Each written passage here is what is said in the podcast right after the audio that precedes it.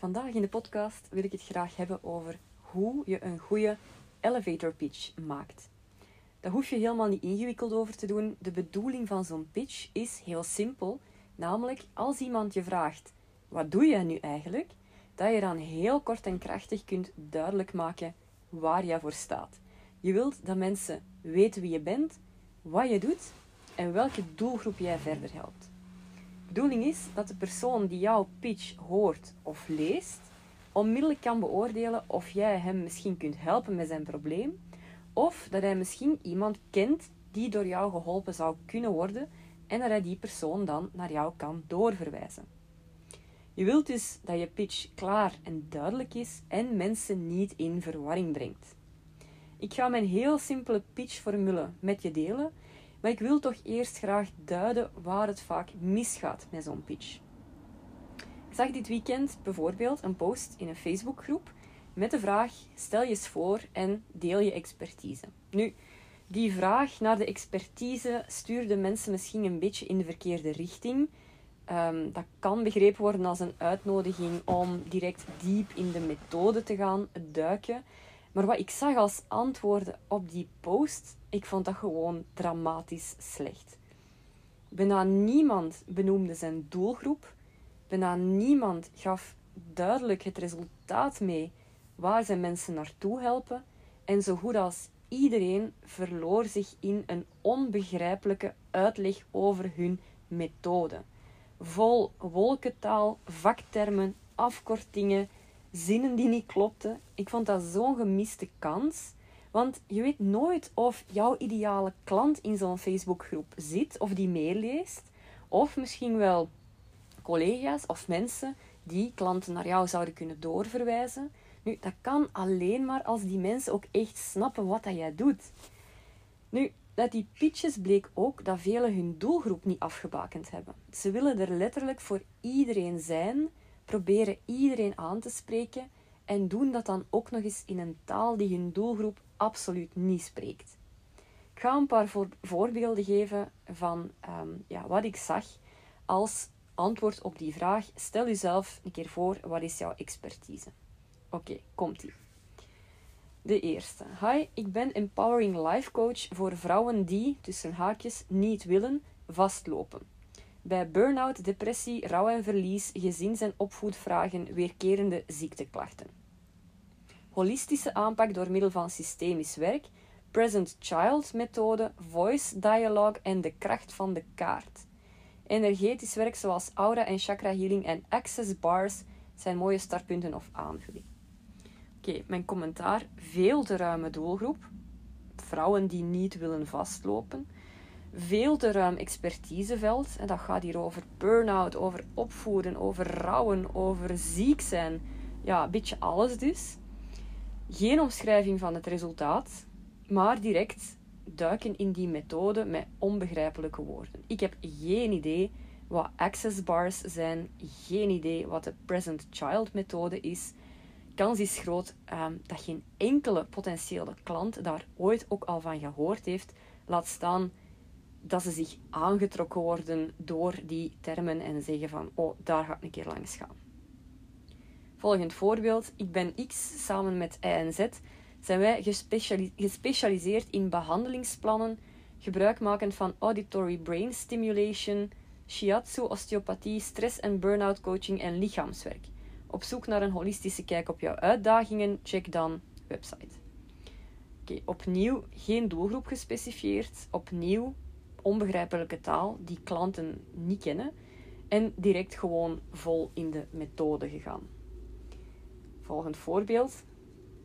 Ik begeleid mensen met vroeg kinderlijk jeugdtrauma om zichzelf en hun kindstukken hiervan te bevrijden.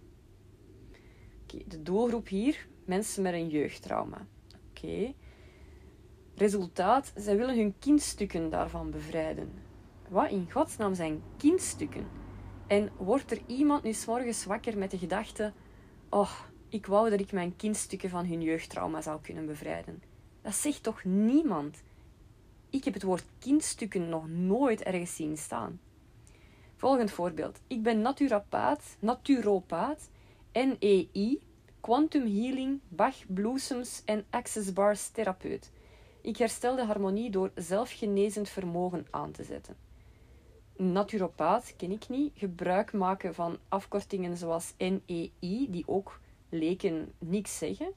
Um, opnieuw die access bars, dat is blijkbaar een ding. Ik had er nog nooit van gehoord.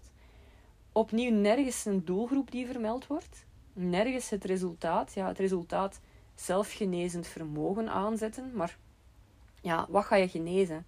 Wat moet er genezen worden? Wordt nergens vermeld. Oké, voorlaatste voorbeeld. Hi, ik ben X, lichaamsgerichte traumatherapeut. Technieken die ik gebruik zijn brainspotting, voice dialogue, IFS en somatic experience. Opnieuw geen doelgroep vermeld, geen resultaat vermeld, alleen maar methode, vaktermen, Engelse termen, afkortingen.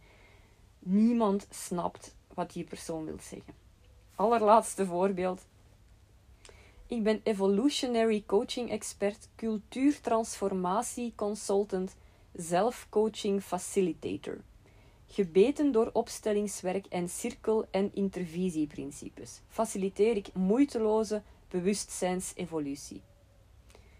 Oké, hier wordt wel een resultaat benoemd. Hè. Ehm, het faciliteren van moeiteloze bewustzijnsevolutie. Alleen is dat een volkomen onbegrijpelijk resultaat. Moeiteloze bewustzijnsevolutie faciliteren. Ga er maar aan staan. Nu, helaas heb ik niet lang moeten zoeken naar deze voorbeelden.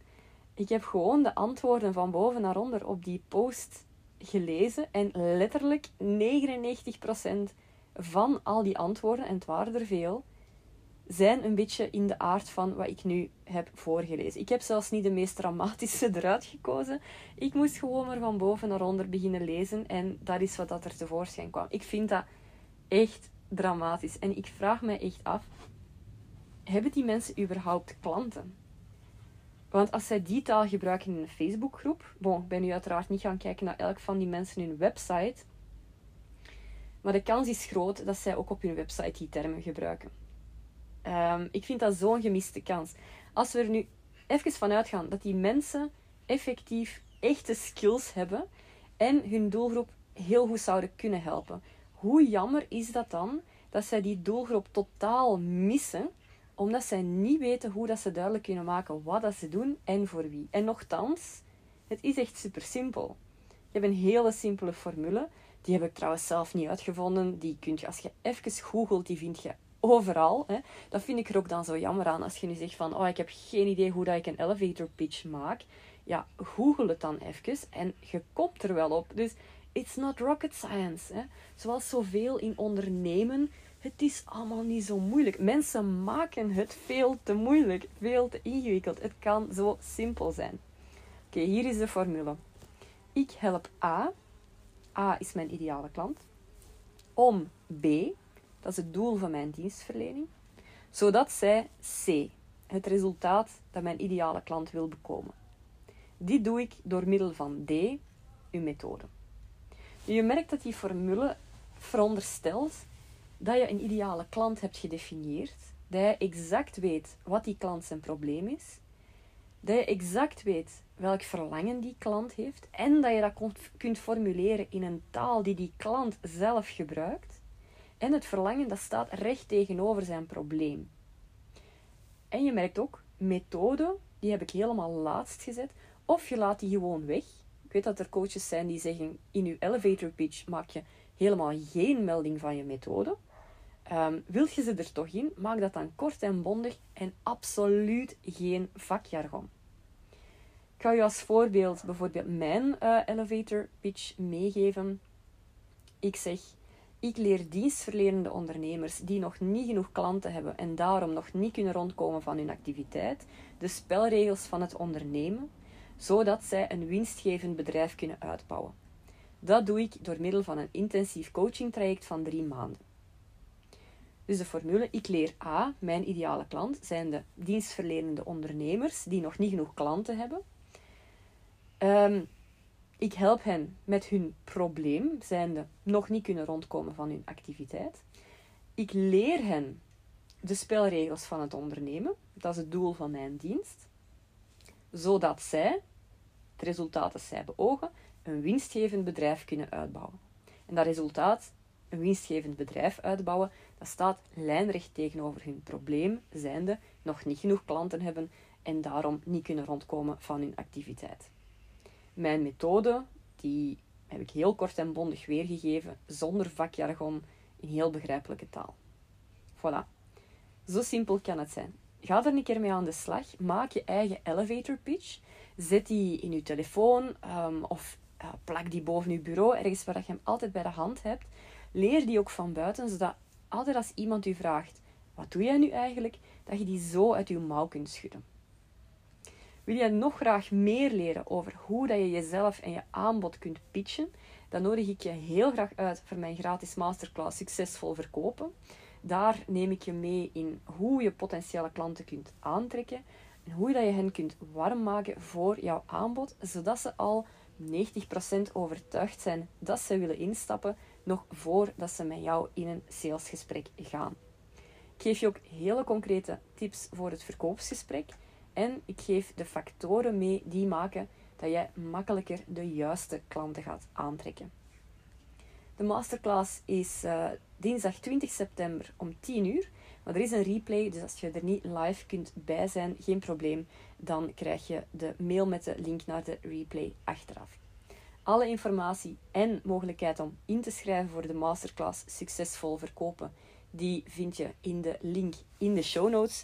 Ik hoop je daar te zien en ik wens je nog een hele fijne dag verder.